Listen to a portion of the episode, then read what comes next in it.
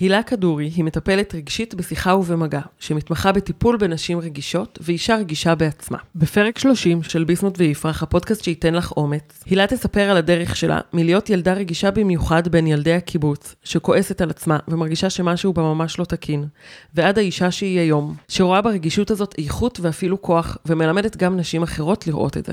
נדבר עם הילה על מה זה אומר לחיות כאישה רגישה, מה האתגרים והכאבים שמגיעים עם זה, וחמש דרכים למצוא את הכוחות שלך בעולם מציף. איתי כאן הדר ביסמוט. איתי כאן כנרת יפרח. שנתחיל? נתחיל.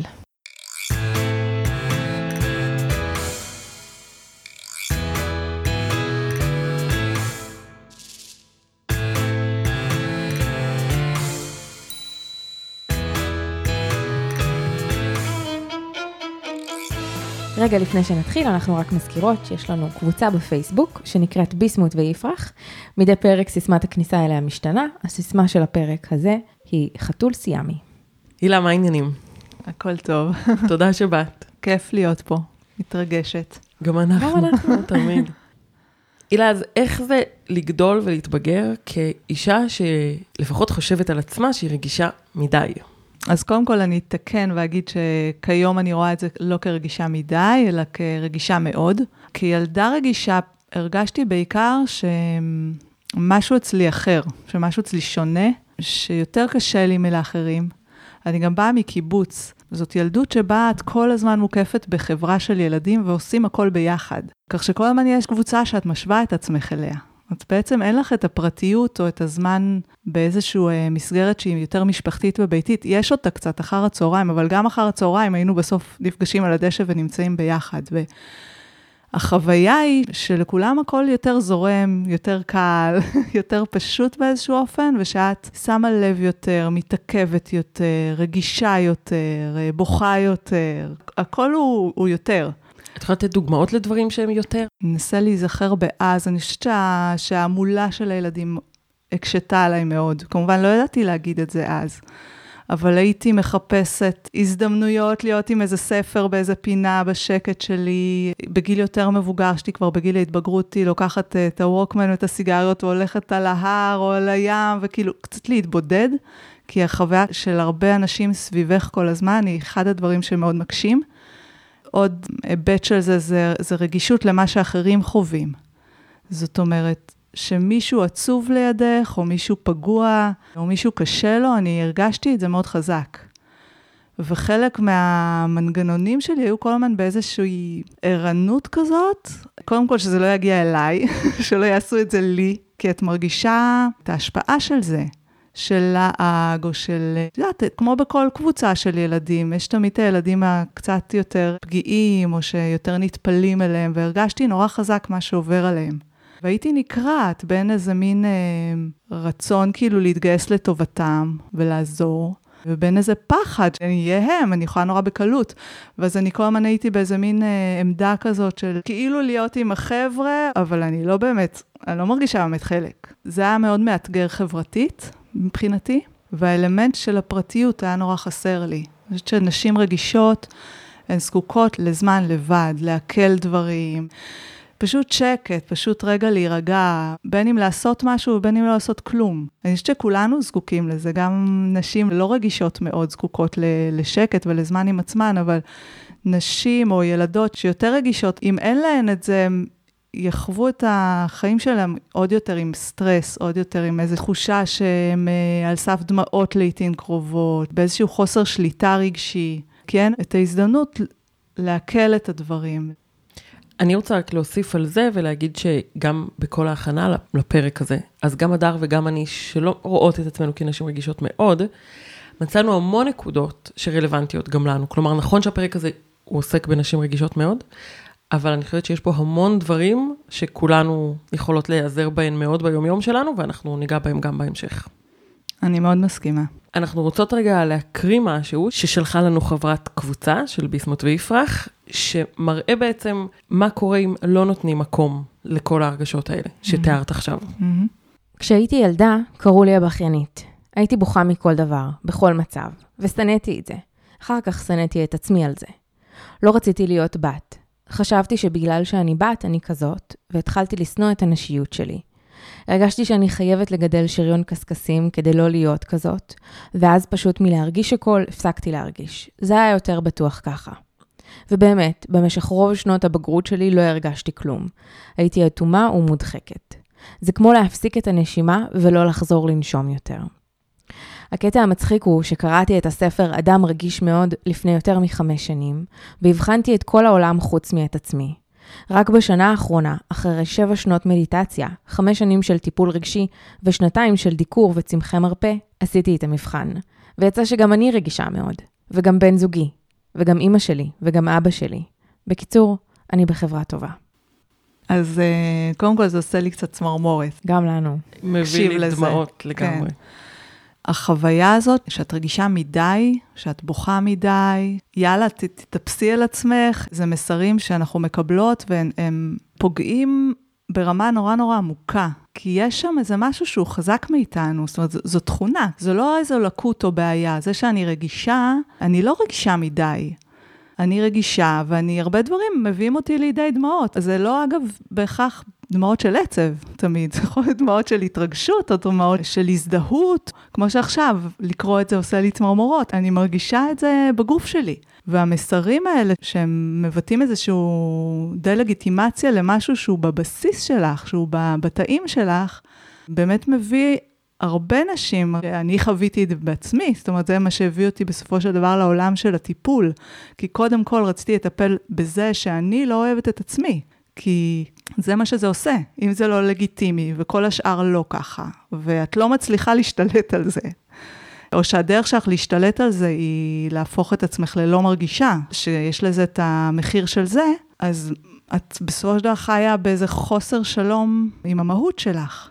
עם הנשיות שלך, היא ממש אומרת. שנאתי את הנשיות שלי. כן.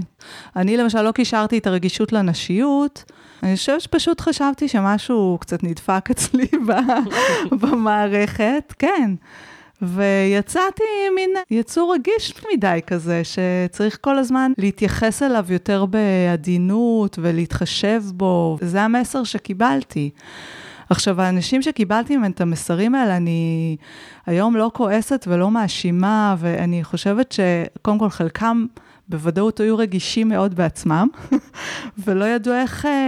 כשאדם רגיש מאוד, פוגש אדם רגיש מאוד אחר, אנחנו קולטים את זה אחד על השני, ואם קשה לך בעצמך להתמודד עם הרגישות שלך, אז בטח יהיה לך קשה להכיל רגישות של התלמידה שלך, או של הבת שלך, או של המודרכת שלך. ואני חושבת שחוסר הסבלנות הזאת לרגישות, הוא מגיע הרבה פעמים מהמקום הזה. שקודם כל, אנשים, נשים, לא הסתדרו טוב עם התכונה הזאת בעצמם, בחיים שלהם, ואז לפגוש את זה אצל מישהו אחר מאוד מקשה עליהם. נראה לי שדיברנו על זה קצת בפרק עם לימור, תשוקה כדרך חיים, שבשביל לגדל אה, ילדים לתוך אה, מיניות בריאה וללמד אותם באמת לפעול מתשוקה בחיים שלהם, אז ההורים צריכים להיות כאלה. זאת אומרת, אם הם יהיו כאלה, אז יהיה הרבה יותר קל להעביר את זה הלאה ולהביא את זה לידי ביטוי בחיים של הילדים שלהם. וזה נשמע קצת כזה, כי העולמות נפגשים, זה מתחבר, זה יכול לעבוד יותר טוב.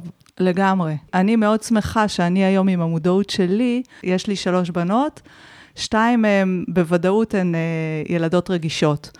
אגב, חשוב להגיד שרגישות היא לא מתבטאת אותו דבר אצל כולם. זאת אומרת, הן מאוד שונות אחת מהשנייה. אני לא יכולה להגיד שמה שעבד לי טוב עם עדי, יעבוד לי טוב עם ליאור, לא.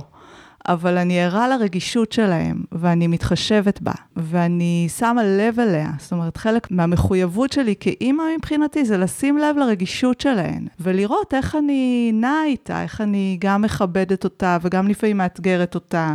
לקראת הפרק ביקשנו מנשים בקהילה שלנו בפייסבוק לספר על החוויה שלהן כנשים רגישות, ודנה נחום, שנשמע את ההקלטה שלה עכשיו, דיברה גם על מה שאת הזכרת כרגע. היי כנרת והדר, כאן דנה, ורציתי לספר לכם מה זה מרגיש להיות אה, רגישה מבחינתי. מבחינתי זה להיות קשובה לאדם שמולי ולהזדהות איתו עמוקות ולהתייפח יחד איתו, לבכות בסרטים, לבכות מספרים, זה להיות מודעת לסביבה שלי ולקלוט סיטואציות וכאבים של אחרים, עד שהגוף כבר לא יכול לשאת את הכאב ומכאיב לעצמו. זה לחלות בדיכאון ולהבין שאת חייבת חוקים חדשים, לשמור על עצמי, זה לתרגל עם עצמי כאב ולנסות להבין יום-יום מתי זה כאב לב נורמלי של החיים עצמם, או כאב גדול יותר שאני מפחדת שיגיע שוב. מפחיד אותי לפעמים להרגיש עד הסוף שוב את הרגש, את הכאב.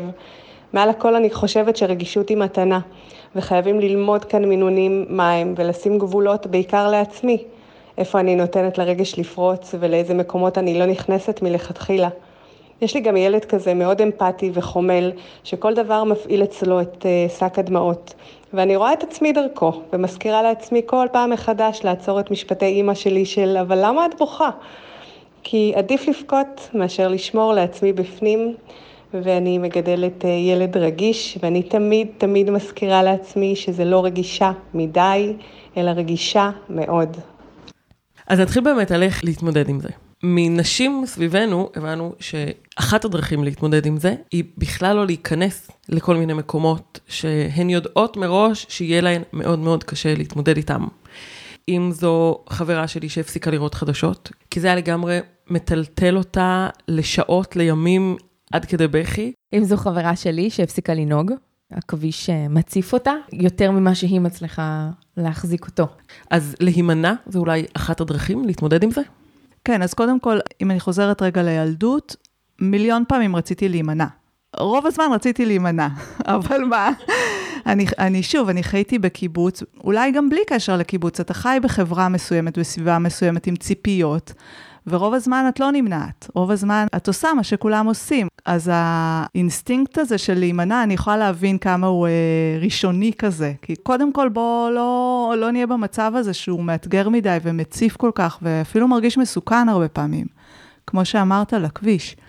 אני משחקת עם זה בחיים שלי, אני מחפשת כיום פחות להימנע, אבל כן לעשות את הדברים במינון ובהכנה שהם מתאימים לי. לדוגמה, ימי הולדת, שוב, אני אימא לשלוש בנות, יש אחת מהן שהיא עוד קטנה, שיש את הסיטואציה הזאת של ימי הולדת של חברים, שמבחינתי זו סיטואציה להימנע ממנה, כי היא נורא רועשת, היא, היא קשה לי, היא לא נעימה לי בשום צורה. אבל אני לא אמנע ממנה, כי אני כן רוצה לתת לליאור את האפשרות להשתתף שם. אז אני יודעת שאני צריכה לבוא לזה מוכנה, מוכנה נפשית, מוכנה גופנית, ואם יש שלב שהוא רועש לי מדי, אז לצאת קצת החוצה איתה, או, או למצוא את הדרך להתמודד עם זה. נסיעה לחו"ל לבד, זה משהו שהייתי נמנעת ממנו. שלא הייתי רוצה להתמודד איתו, זה לא הטבע שלי. למה? כי מה קורה בחו"ל? זה מלחיץ אותי מדי, שאני לא אסתדר, שאני לא אדע איך, הולכת התחבורה הציבורית, או לאן מגיעים, או לא, לא יודעת, החוויה הזאת של להיות אבודה במקום אה, לא מוכר, ומלא גירויים, ושאין שם מישהו איתי, היא יכולה לעורר בי יותר מדי אה, פחד ממה שהייתי רוצה. ועם זאת, בשביל אה, קורסים מסוימים שהיה לי חשוב ללמוד אותם, ובשביל להיות אסיסטנטית של המורה שלי באיזשהו שלב, אז כן, מה שזה דרש זה לנסוע לבד לחו"ל. והתמודדתי עם זה. זאת אומרת, היום אני אומרת, וואו, איזה... כאילו, הייתי אמיצה. זה לא היה לי פשוט. מה שאני מנסה להגיד זה שאם לא היה לי שם בנפיט מאוד חשוב לי, אז הייתי מן הסתם נמנעת. לא הייתי יוזמת כזה טיול או נסיעה כזו, אבל בגלל שהיה שם משהו שהוא מאוד חשוב עבורי ושאני לא רוצה להפסיד אותו, אז כן הייתי מוכנה להתמודד עם האתגר שזה מהווה בפניי.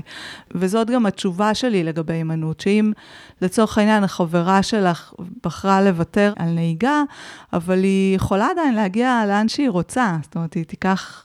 תחבורה ציבורית, היא תסתדר, אין בעיה עם זה, אבל אם היא הייתה מפסידה משהו מאוד מאוד שחשוב לה, כן הייתי מחפשת איך היא בכל זאת מוצאת את הכוחות ואת האפשרויות שמקלות עליה כדי לא לוותר.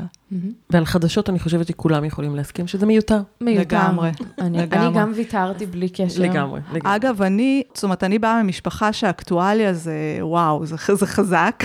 אבא שלי היה יושב, קורא שעות עיתון, עכשיו הוא שעות עם הטלפון שלו, מתעדכן, מתעדכן, וכל הזמן כולם צריכים להיות בעניינים. ומילדות כבר תפסתי מזה מרחק, וקיבלתי על זה הרבה ביקורת, ומין חוסר הבנה כזה, ורק באמת כיום, בבגרות, שאני שומעת עוד ועוד נשים רגישות מדברות על מה שזה עושה להם, אני מבינה שהיה בי איזה אינסטינקט נורא בריא, של להגיד, זה לא נעים לי, זה לא מתאים לי, זה לא תורם לי כלום, להיות מעודכנת בכל השחיתויות והאלימות הזאת, ואני תופסת מזה מרחק. אוקיי, okay, אז הימנעות זה כלי אחד שבמינונים נכונים ובמקומות הנכונים יכול לעבוד, אבל כדאי מאוד להתמודד איתו כשזה מגביל אותנו בחיים. ואנחנו נעבור עכשיו לחמישה כלים, איך כן להתמודד אם מחליטים לצלול פנימה, Mm-hmm. ולחיות עם זה בשלום, ולנוע עם זה. והדרך הראשונה היא אה, לראות את היופי. מה זה אומר? אחד הדברים שהכי חשובים לי בכתיבה שלי על הנושא הזה, בחשיבה שלי ובזה שאני מתראיינת פה אצלכם, זה לעזור לנשים שחוות את עצמן כרגישות מדי ושונאות את עצמן, אה, כועסות על עצמן, מתבאסות על עצמן, לעזור להן להתחיל לראות את זה אחרת. כי אנחנו נורא רגילים להסתכל, רגילות להסתכל על הרגישות הזאת כעל איזה בעיה, אפילו איזה לקות. מישהי כתבה לי באיזו קבוצה אחרת, זה מרגיש לה ממש כמו נכות. ובאמת, בגלל הקושי שהיא מביאה איתה, הרגישות, אז הרבה אנחנו פוגשות את איפה מסובך לנו, קשה לנו, מציף לנו, בעייתי, ואני רוצה רגע להסתכל על זה, לא, זו תכונה. זו תכונה שכמו כל תכונה, יש בה דברים שהם מקשים ומאתגרים, ויש בה גם המון המון יופי.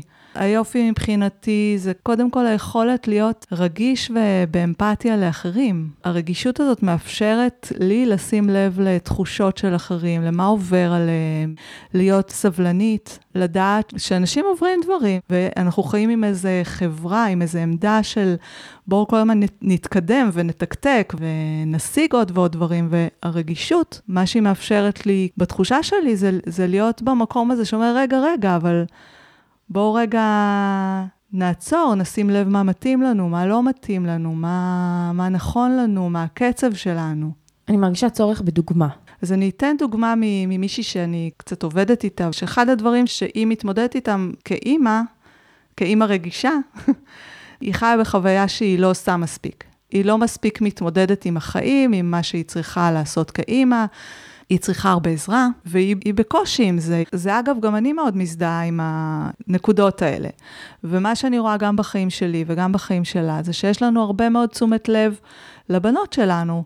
אנחנו חושבות עליהן הרבה, מה הן זקוקות, מה טוב להן, מה לא טוב להן, איזה חוג מתאים, איזה חברה תתאים, איזה... זאת אומרת, יש איזו התבוננות שהיא לעומק. אני יכולה לתת עוד דוגמה. חלק ממה שהתכונה הזאת יכולה להביא, זה פתיחות להמון אפשרויות. זה מה שזה גורם, זה שהרבה פעמים לא תהיה לי ישר דעה. זאת אומרת, הם יגידו לי, מה דעתך, או בעלי הרבה פעמים אומר לי, זה לא צודק שזה יהיה ככה וככה, ואני כאילו, לא יודעת. אה, אני יכולה להבין את העמדה שלך, ואני גם מבינה את העמדה של הבוס שלך, אני מבינה גם את העמדה של השותף של הבוס שלך, אני מבינה, אני מבינה מערכת שלמה שם. מבחינתי, לראות את היופי בזה, זה לראות ש... אני יכולה בכלל לקלוט את כל האפשרויות האלה, לנוע ביניהם, ולתת לאנשים אחרים לראות, גם אה, כאילו מה שקוראים להיכנס לנעליים של האחר, זה נורא פשוט לנו. הקושי שבזה זה שהרבה פעמים נחווה את עצמנו כאילו אנחנו לא יודעות מה אנחנו רוצות, אנחנו לא יכולות לקבל החלטה. אני חושבת שגם הסביבה נורא מצפה שתהיה לך דעה. כן. אני חושבת על נשים שעובדות בארגונים, נגיד, מסביבן, מצפים שתהיה לך דעה. ציפייה מאוד אה, חזקה של הסביבה. לגמרי. וזה לא שאין דעה, בסופו של דבר, אחרי תהליך כזה של חשיבה ושל אה, לשים לב לכל, אז, אז אני יכולה בסופו של דבר להגיד מה דעתי בעניין. היא בדרך כלל לא תהיה מאוד נחרצת, ולא חד משמעית שזאת הדרך הנכונה, או זו האמת הבלעדית. אני אגיד, זה, זה מה שנראה לי כרגע, ויכול להיות גם שמחר אני אשנה את דעתי, וחלק מהעבודה שלי עם עצמי, זה שזה יהיה בסדר. אפילו שלחברה יש ציפייה שתהיי משהו מסוים, אבל אני נורא מושפעת ממה שקורה סביבי. אז גם הדעות שלי משתנות בהתאם לזה. שלא יצטער שאני אה, הופכת לבן אדם חסר עמוד שדרה בגלל זה, זה לא זה, אבל זה כן איזה פתיחות וגמישות, ויכולת באמת להכיל הרבה הרבה גורמים בתוך הסיפור. יש ממש מקצועות שזה יכול להיות בהם כלי מאוד חשוב.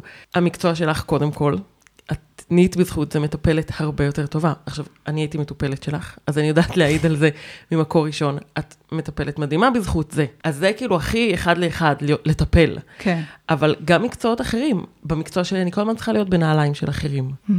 כל מה שקשור לחוויית משתמש, לחוויית לקוח, זה סריה שלמה של מקצועות, שבהם נשים כאלה שיכולות לקלוט אחרים מאוד בקלות, יכולות להביא את זה כערך מוסף מאוד גדול לתפקיד שלהן, ולהיות יותר טובות מאחרים בזה. לגמרי, גם המקצוע שלי כזה. נכון. ואני גם למדתי טיפול הרי, זה גם חלק מהעניין, היכולת לקחת את הרגישות הזאת ולהבין איך אני יכולה לעשות איתה טוב בעולם ולהשתמש בה כדי לעזור לאנשים אחרים, לשפר את החיים שלהם בסוף. גם לחברה, לא רק באופן אישי, לאישה שמרגישה את עצמה רגישה מדי, יהיה טוב לראות את האיכויות והכוחות שלה. אני חושבת שגם לחברה שלנו זה מאוד נחוץ, כי אנחנו חיים בחברה מאוד אה, הישגית ותחרותית וכוחנית, ודרוש פה איזשהו כוח שהוא מאזן. נשים רגישות, גם גברים רגישים כמובן. אני חושבת שזה אפילו התפקיד שלנו, להוסיף את ההתבוננות על האחר, את האמפתיה, איזושהי הבנה גם ש, שדברים הם מאוד מורכבים, שהחיים הם לא שחור ולבן, יש בהם מיליון גוונים, ואיזושהי סבלנות בשביל זה. אז לדעתי יש לזה ערך שהוא מעבר לחיים האישיים שלנו. העניין הזה של לראות את היופי, לקרוא לדברים האלה איכות ולא לקות. כן. זה רעיון מאוד יסודי בשיטה שבה את מטפלת גם, למצוא את מה שחזק בך ואת זה לטפח. את יכולה על זה לספר קצת? על העיקרון הזה?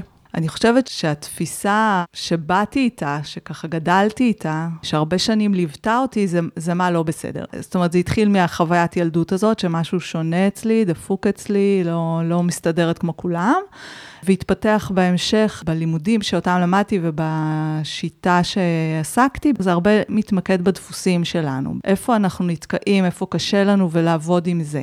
מה שאני לומדת לראות ולהסתכל עליו אחרת ולהבין אותו ולחקור אותו יותר בשנים האחרונות, ומי שעוזרת לי בזה ומלמדת אותי את זה, זו ורד מנשה, שפיתחה את גישת פנתרי, זה להסתכל על זה שמאחורי כל אה, קושי כזה וכל דפוס, יש בעצם איזשהו אוצר מבחינתי. ממש איזושהי איכות, שאם נראה אותה, נזהה אותה ונבין אותה ונראה מה גם מאפשר לה לפרוח, אז הדפוס הרבה פעמים הוא משתחרר מעצמו. יש לי דוגמה של בדיוק איך את עשית את התהליך הזה איתי, שאני אמרתי לך באחד הטיפולים שאני מפסיקה הרבה דברים באמצע, שאני יותר מדי מפסיקה דברים באמצע, ו- ואני ראיתי את זה כדפוס שצריך להתמודד איתו. כן. ובמקום זה את הראית לי איך זו האיכות שלי, שאני מזהה מספיק מהר, מתי משהו הוא לא רלוונטי, הוא לא עובד, מאיזושהי סיבה לא צריך להמשיך אותו, ואני מספיק אמיצה להפסיק אותו באמצע ולא להמשיך מאיזה כוח אינרציה. עכשיו אני יכולה להיות נינוחה עם הדפוס הזה, ובאמת להסתכל על כל דבר בפני עצמו, אני רוצה להפסיק אותו, אני לא רוצה להפסיק אותו, ממש לראות את האיכות שיש בזה, ולא את הדפיקות. לגמרי. אוקיי, okay, אז אנחנו עוברות לדרך השנייה, שהיא להיפרד מהלקאה ומביקורת עצמית. כמו שהסתכלנו על מה האיכות, אז גם מאחורי ביקורת uh, עצמית והלקאה עצמית יש איזושהי איכות, שזה אולי אחריות או מודעות או איזושהי שאיפה להיות בטוב, ואני מחפשת איך אפשר להגיע אליה.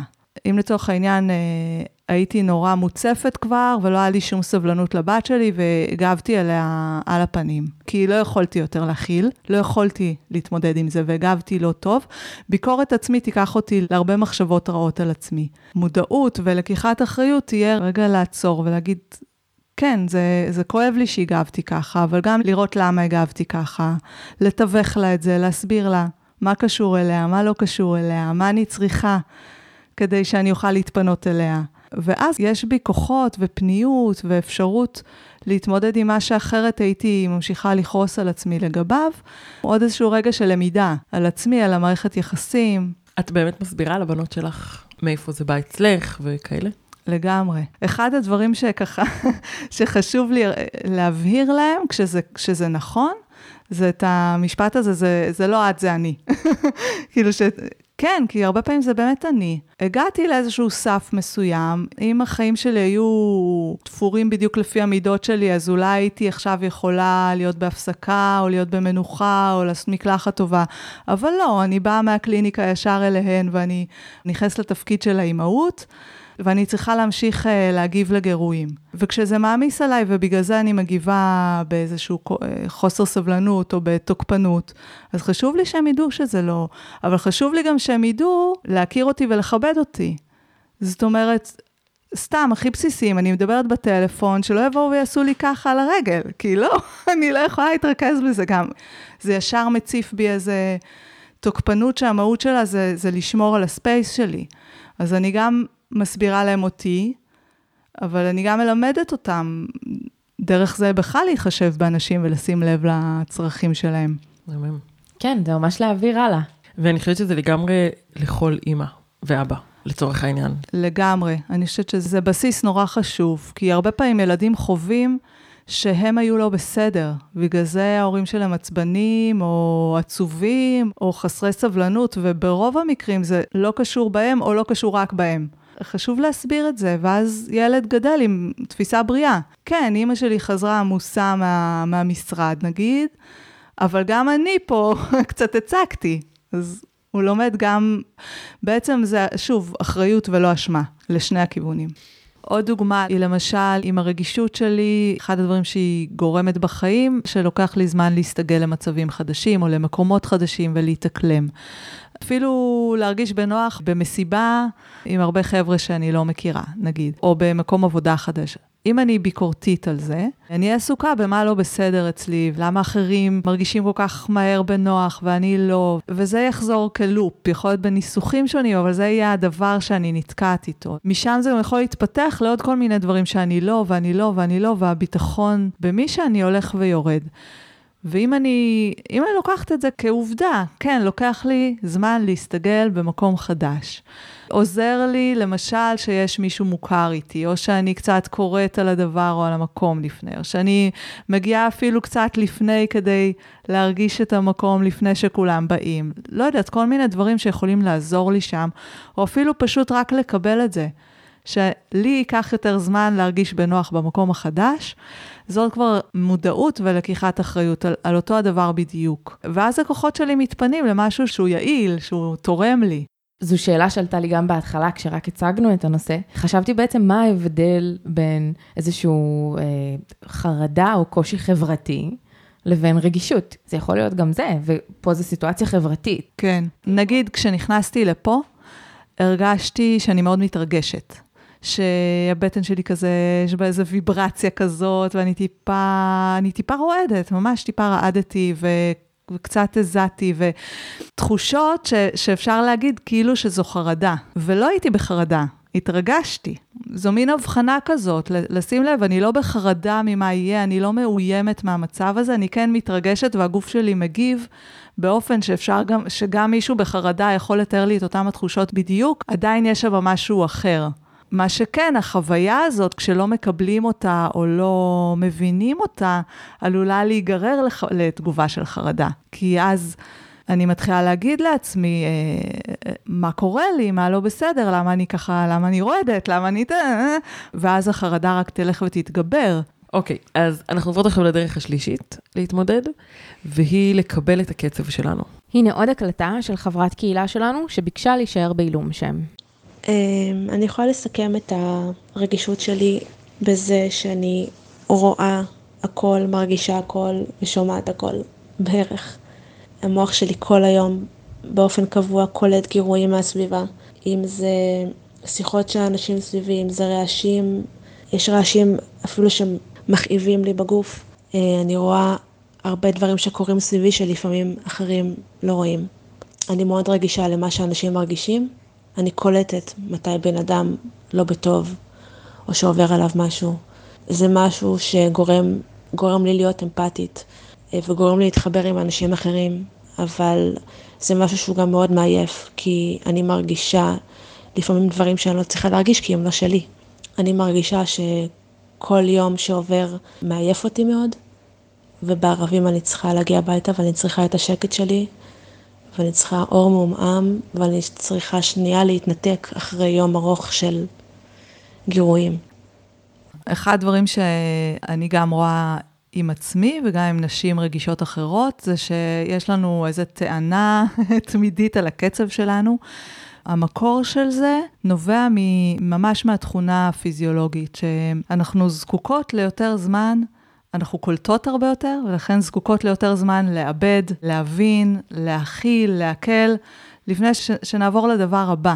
ושוב, אנחנו חיות בחברה שהיא באיזשהו מרוץ תמידי, מאוד מהיר, שאגב, אני חושבת שהוא לכולנו קשה, גם לנשים אה, לא מאוד רגישות, הוא, הוא קשה, הוא מאוד אינטנסיבי. בכלל אישה צריכה זמנים של עיכול והפוגה, ולא לעשות כלום כזה. לא מזמן רץ איזה פוסט כזה של לביאה שרובצת צרועה. על איזה גזע עץ, והיה שם תיאור נורא יפה של זה שכאילו אף אחד לא מזלזל בלביאה הזאת. לכולם ברור שברגע שהיא תהיה רעבה או תרצה להגן על הגור שלה, היא תטוס. וככה גם אנחנו, נשים ונשים רגישות בפרט. חלק מהעניין הוא, הוא להבין שיש לי קצב שלי, להכיר אותו, לזהות אותו, ולכוון את החיים שלי לפיו עד כמה שאפשר. אחד הדברים שאני שמתי לב, זה שהרבה זמן ניסיתי להתאים את הטיפולים שלי למסגרת של שעה. כי ככה למדתי. זאת אומרת, מפגש לוקח שעה. כולל הכל, כולל מה נשמע בהתחלה, ואצלי זה קצת גם להוריד נעליים, ולפעמים להוריד חלק מהביגוד, ותכשיטים, והסיכום שבסוף, ולקבוע את הפגישה, הכל היה צריך להיכנס בשעה. וקלטתי שאני לא מספיקה. אני לא מספיקה בשעה לעבור עם האישה או הגבר שאני עובדת איתם את התהליך השלם שרציתי שנעבור במפגש הזה.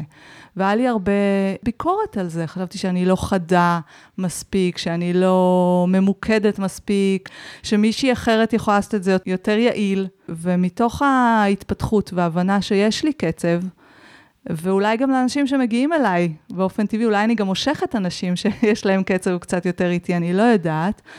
אבל בכל אופן, שנכון לי לקבוע מפגשים באורך של שעה ורבע, לפעמים אנשים מסוימים שעה וחצי אפילו, כדי שלא יהיה שם את האלמנט הזה של הלחץ של הזמן. ושאני אוכל להביא לידי ביטוי את כל מה שיש בי כמטפלת, ושהבן אדם יוכל לעבור את כל מה שנכון שהוא יעבור במהלך המפגש הזה. יש לי משהו uh, דומה בין פגישות. יש ימים כאלה שאני עוברת מפגישה לפגישה, בטח כשאני נוסעת לתל אביב, אז אני משתדלת שזה יהיה יום כזה של פגישות, נסיים את הכל בבת אחת, אבל אני מאוד מאוד מקפידה לרווח אותן. זאת אומרת, אני מעדיפה לא לדחוס אחת אחרי השנייה, שאני מגיעה עם הלשון בחוץ, mm-hmm. אלא ממש לחכות איזה רבע שעה בין לבין. כאילו שאני מחכה בנחת, אני כבר במקום הפגישה הבא, אני יכולה לשבת ופשוט אפילו לא לעשות כלום, או סתם לעשות דברים אחרים, אבל uh, לעשות איזושהי הפרדה בין פגישה לפגישה. והקצב הזה, הקצב שלי בדברים האלה, לפעמים, כן, יש לו מחיר. אני מספיקה פחות ביום, אני מספיקה פחות פגישות. אבל זה ממש ממש חשוב לי, ככה אני נכנסת אה, רגועה, שקטה וכו'. וזה משמעותי מאוד. ויש לי את זה לפעמים גם בפגישות שהן אה, כן צפופות, ואז אני מוצאת טריקים. לגנוב את השקט הזה שאני צריכה לפני, אני הולכת להתפנות, או אני הולכת רגע להביא כוס מים, או כל מיני דברים כאלה שמאפשרים לי רגע להיכנס יותר ברוגע פנימה. פרק 10 שלנו עם סוניאטה הוא בדיוק על זה. נכון. על ללמוד את הקצב שלנו, כמו שאת אומרת, ואז לעשות מה שצריך כדי שהעולם יסתדר לקצב הזה, ולא אנחנו כל הזמן נתאים את עצמנו לעולם, כי זה מעייף. מאוד. זה לא אומר שאין ימים שהם יותר דחוסים ועמוסים, ואני mm-hmm. צריכה להספיק בהם יותר, אז אני, אני אעשה את זה. זאת אומרת, אני אתאים את עצמי לקצב היותר אינטנסיבי, אבל אני לא ארצה שכל השבוע שלי ייראה ככה. כן, אני ממש הרגשתי את זה. כשיש לי שבועות uh, שלמים שאני בנסיעות ופגישות ועבודות, יש שבועות כאלה מאוד מאוד עמוסים, אני חייבת ששישי או שבת שלא יהיו כאלה. כן. אני לא יכולה עכשיו לנסוע להורים בצפון. זה להוסיף עוד ועוד, אני חייבת את הזמן הזה לעצמי. באפס מס. כן. אני ממש יוצרת ביומן שלי באפרים כאלה. יש לי, בשבועות עמוסים צריך להיות יום אחד שאני לא עושה בו משהו. בתוך יום עמוס בעצמו צריכה להיות שעה פנויה. גם אם זה שעה רק to catch up דברים שהצטברו, אבל העצירות האלה זה ממש, ממש חשוב כדי להמשיך הלאה. אוקיי, אנחנו עוברות לדרך הרביעית, שהיא להסכים לקחת ללב. אחת המאתגרות שבהן. זאת אחת שאני אוהבת במיוחד. היא, היא באמת בעיניי כל כך uh, נכונה לחיים בכלל. לא חשוב כרגע אם אני אדם רגיש או לא אדם רגיש. אני אדם, אני עוברת דברים, אני מגיבה לדברים שקורים סביבי, וההתנגדות לזה, זה מתיש אותנו בסופו של דבר, זה מקשה עלינו. וככל שאנחנו יותר מסכימים להרגיש, פשוט כי אנחנו יצורים מרגישים, ככה נוצרנו. אז זה בא, זה משפיע עלינו, וזה חולף. אני הרבה, הרבה פעמים מדברת על זה כמו על גל.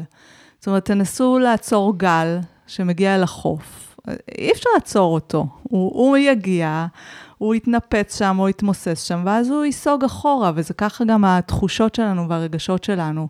הן מגיעות, הן מגיעות לאיזשהו שיא, ואז הן מעצמן פוחתות, אין צורך לזרז את זה או להילחם בזה. למשל, אני, אני מרגישה התרגשות שגורמת לי להרגיש קצת כאילו אני בחרדה. אני יודעת שאני לא בחרדה, אני יודעת שזה עוד רגע יירגע. זה קורה לי הרבה בנהיגה למקומות חדשים, שה-Waze מאוד עוזר לי, אבל עדיין, להיות בסיטואציה שאני לא יודעת בדיוק איפה אני, זה מבהיל אותי קצת. אני לא רבה עם זה. אז אני יודעת שאני עוד רגע אטפס, אדע איפה אני אגיע למקום המוכר, זה יירגע מעצמו. זה קצת למתקדמים.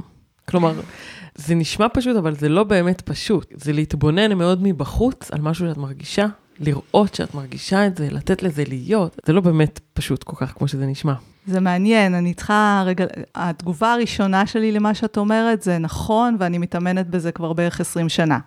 אוקיי? זו התגובה הראשונה, ויחד עם זאת, בו זמנית אני חושבת על זה שזה בטבע שלנו. זאת אומרת, תינוקות, ילדים קטנים, זה מה שהם עושים. אני, אני רואה את הבת שלי, את רואה לה את המבוכה, נגיד, אחרי חצי דקה פתאום כבר את רואה שהמבוכה חלפה, השתנתה למשהו אחר. את רואה שהיא נורא נעלבה והיא פגועה והיא בוכה, ואחרי שתי דקות כבר לא. זאת אומרת, בבסיס שלנו היינו ככה. יש לי דוגמה לזה. כשמספרים לי דברים שמחים דווקא, עולות לי דמעות בעיניים מיד. דווקא כשמישהי מתרגשת נורא, מספרת לי משהו, מראה לי משהו מהמם שהיא כתבה, מיד עולות לי דמעות בעיניים. גם עכשיו, אם אני אמשיך לתאר את זה, יעלו לי דמעות בעיניים. וזה רגע מביך, הוא רגע גם של מאוד אינטימי, כי רואים את זה. וזה גם קצת מביך, כאילו, מה את בוכה עכשיו? כאילו, מה? פעם באמת הייתי מסתירה. הייתי מורידה את העיניים, נמנעת מזה, נמנעת מהמבוכה הזאת, מנסה לא להיות שם, לעבור הלאה ושלא ישימו לב. ומאז שאני באמת מתאמנת בלהיות בהרגשה עד הסוף ולתת לה להיות וזהו, אז רואים את הדמעות בעיניים, וזה בסדר, ואני מישירה מבט, ואני נבוכה קצת, ואני אומרת גם, אוי, אני בוכה, וזהו. אבל אומרת את זה בטוב, לא בהתנצלות. זה מאפשר גם למי שמולי לעבור את הרגע הזה בטוב, ולא במבוכה ולא בהימנעות. זה בדיוק מה שחשבתי ככה, תוך כדי שדיברת, איזה מדהימה החוויה הזאת למי שאיתך באותו רגע.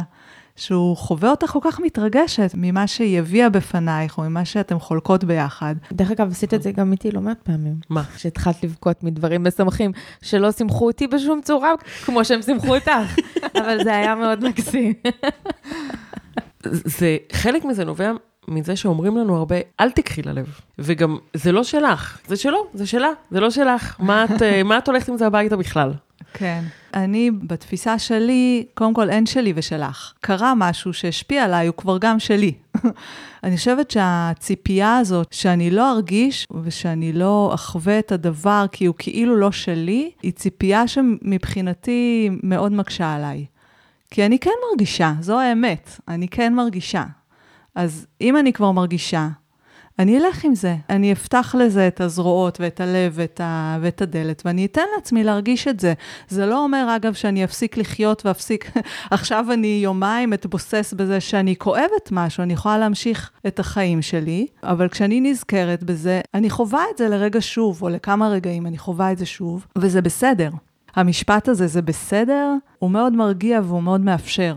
אם אני אתייחס למשהו שקרה לי לא מזמן, הייתה סיטואציה מאוד לא נעימה, שהייתי חלק ממנה, היא מאוד העציבה אותי והכבידה עליי. עכשיו, היו כמה אנשים שהיו מעורבים בדבר, וכל אחד הגיב אחרת, ואני הרגשתי שזה פשוט מעציב אותי מאוד.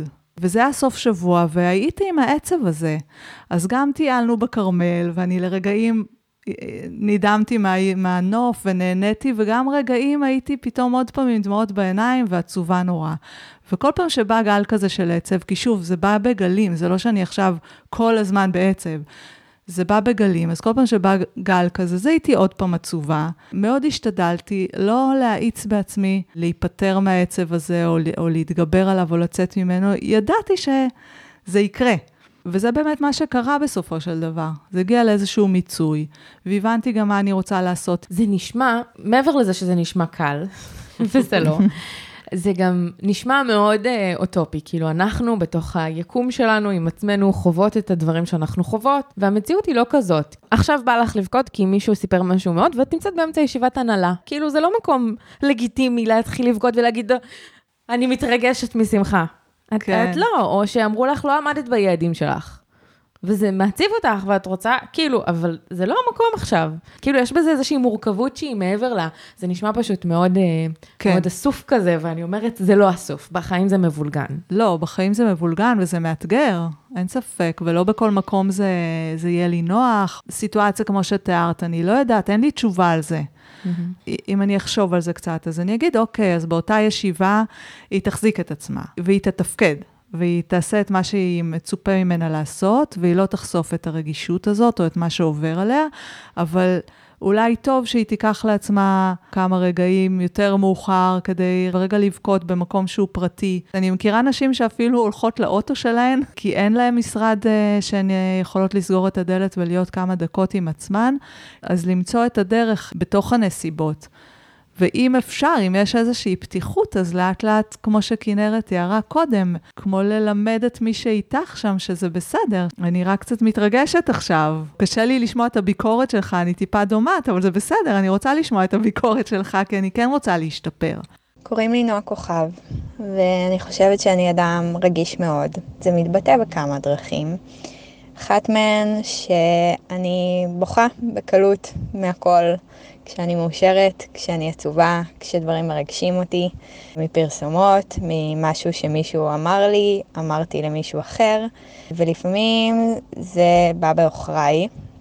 אני חושבת שזה מתבטא בעיקר uh, בפעמים שזה מגיע במצבים שזה פחות מתאים, נגיד שיחה עם המנהל שלי, או כשאתה מנסה לדבר שיחה רצינית עם מישהו אחר uh, שהוא לאו דווקא סמכות מעליך, אבל פתאום עולות לך דמעות ואתה לא יכול לשלוט בזה, אני לא יכולה לשלוט בזה לפחות.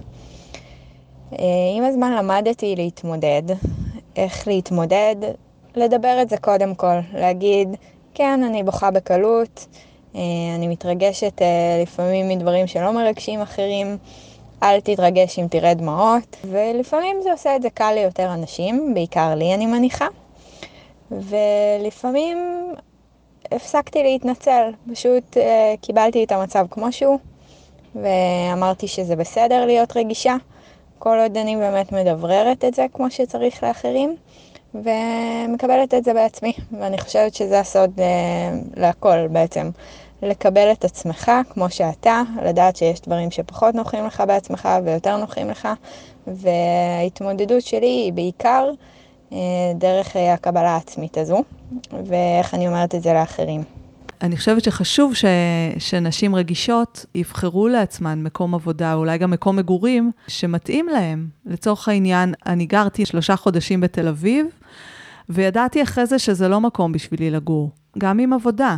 אם אנחנו קשובות לעצמנו ושמות לב מה נכון לנו ומה לא נכון לנו, ומה עוזר לנו ומה מקשה עלינו, זה עוזר לבחור גם מקום עבודה שהוא מתאים יותר. ויש פה קושי, כי הרבה פעמים הציפייה היא להתמודד ולא לוותר, אבל אני לא רואה בזה בהכרח ויתור.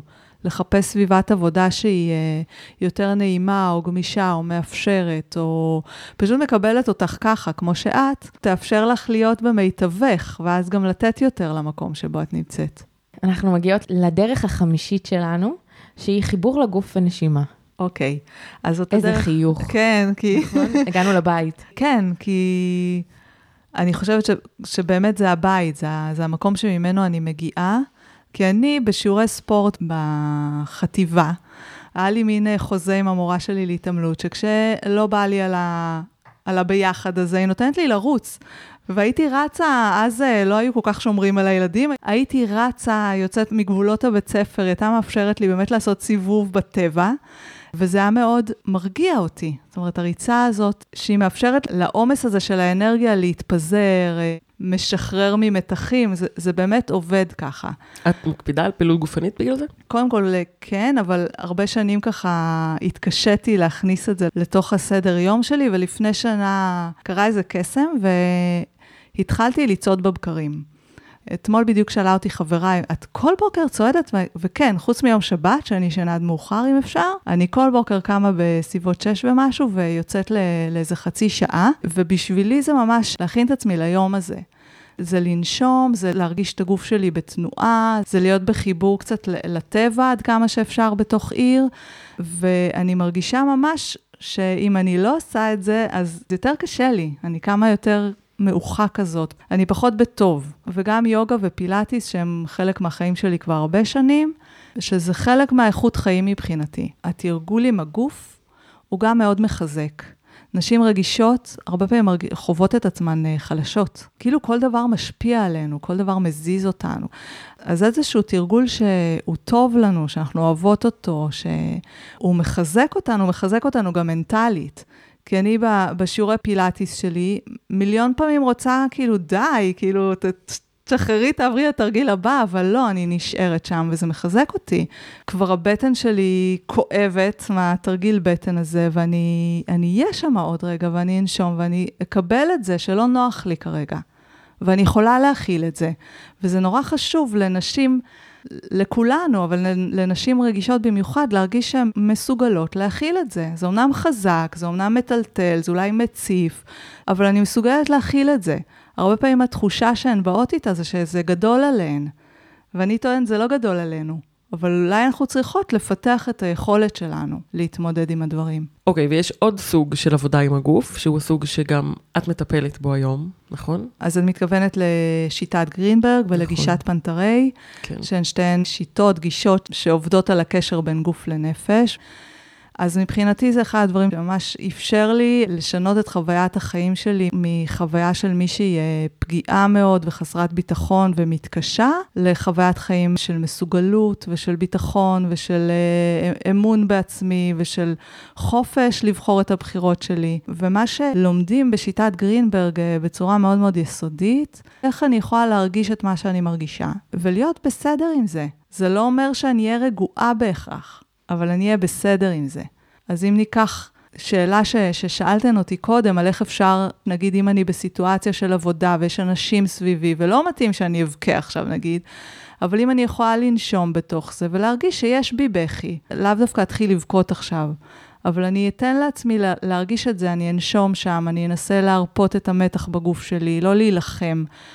זאת אחת הדרכים להכיל תחושות, להכיל רגשות. אני רוצה רגע לשקף למאזינות ולמאזינים שלנו את, ה, את ההתלבטות שיש לנו עכשיו כשאנחנו מדברות על זה. בסדר? אנחנו מדברות על זה כל הזמן, לא להקלטה, בואו בוא, פשוט נגיד את זה. כי שלושתנו עובדות עם הגוף, לפרקים, ושלושתנו יודעות מה זה אומר. ואת אומרת להרפות, את אומרת לשים לב, ואת אומרת להשתמש בגוף, ושלושתנו מבינות מה זה אומר. אני רוצה שיהיה ברור ששלושתנו גם מבינות שקשה להסביר את זה למישהו או מישהי שלא עבדו עם הגוף אף פעם, ואנחנו מודעות לזה. כן. אבל באמת אין כל כך דרך להסביר אחרת, חוץ מזה שקשר לגוף באמת יכול להציל את חייכם. וזה משהו שתמיד אפשר להתחיל איתו, זאת אומרת, אין, אין לזה גיל או מצב בחיים. מישהו, מי שזה מסקרן אותו ורוצה ללמוד איך הגוף שלו יכול להיות מקור של כוח עבורו, לי זה מאוד שדרג את החיים. פעם כשהיו אומרים לי לנשום, יכולתי להרוג כל מי שיגיד לי לנשום. עד שהלכתי לשיטת גרינברג בגלל המיגרנות, ושם למדתי לנשום. וזה פשוט מדהים מה שזה עושה בחיים, זה אין לתאר בכלל. ויש הרבה דרכים לעשות את זה היום. זה כבר לא משהו של אה, שיטה או גישה מסוימת. המון אנשים משתמשים בזה, גם אה, בכל מיני צורות של מדיטציה ויוגה, פשוט תחפשו משהו שמדבר אליכם. הגענו לסיום, ורצינו להגיד קודם כל תודה רבה. המון המתק, המון תודה. המון תודה שבאת. בשמחה, אני מאוד נהניתי. למי שרוצה להכיר עוד את הילה ולקרוא עוד, יש לה גם בלוג, במיוחד לנשים רגישות. האתר של הילה הוא hila.co.il, כדורי ב-K, ויש גם עמוד פייסבוק, נכון? נכון. שהוא הילה כדורי, להפוך כאב להזדמנות. ואני מזכירה שיש לנו uh, קבוצה בפייסבוק שנקראת ביסמוט ויפרח, סיסמת הכניסה משתנה אליה מדי פרק. הסיסמה של הפרק הזה הוא חתול סיאמי. ביי. ביי.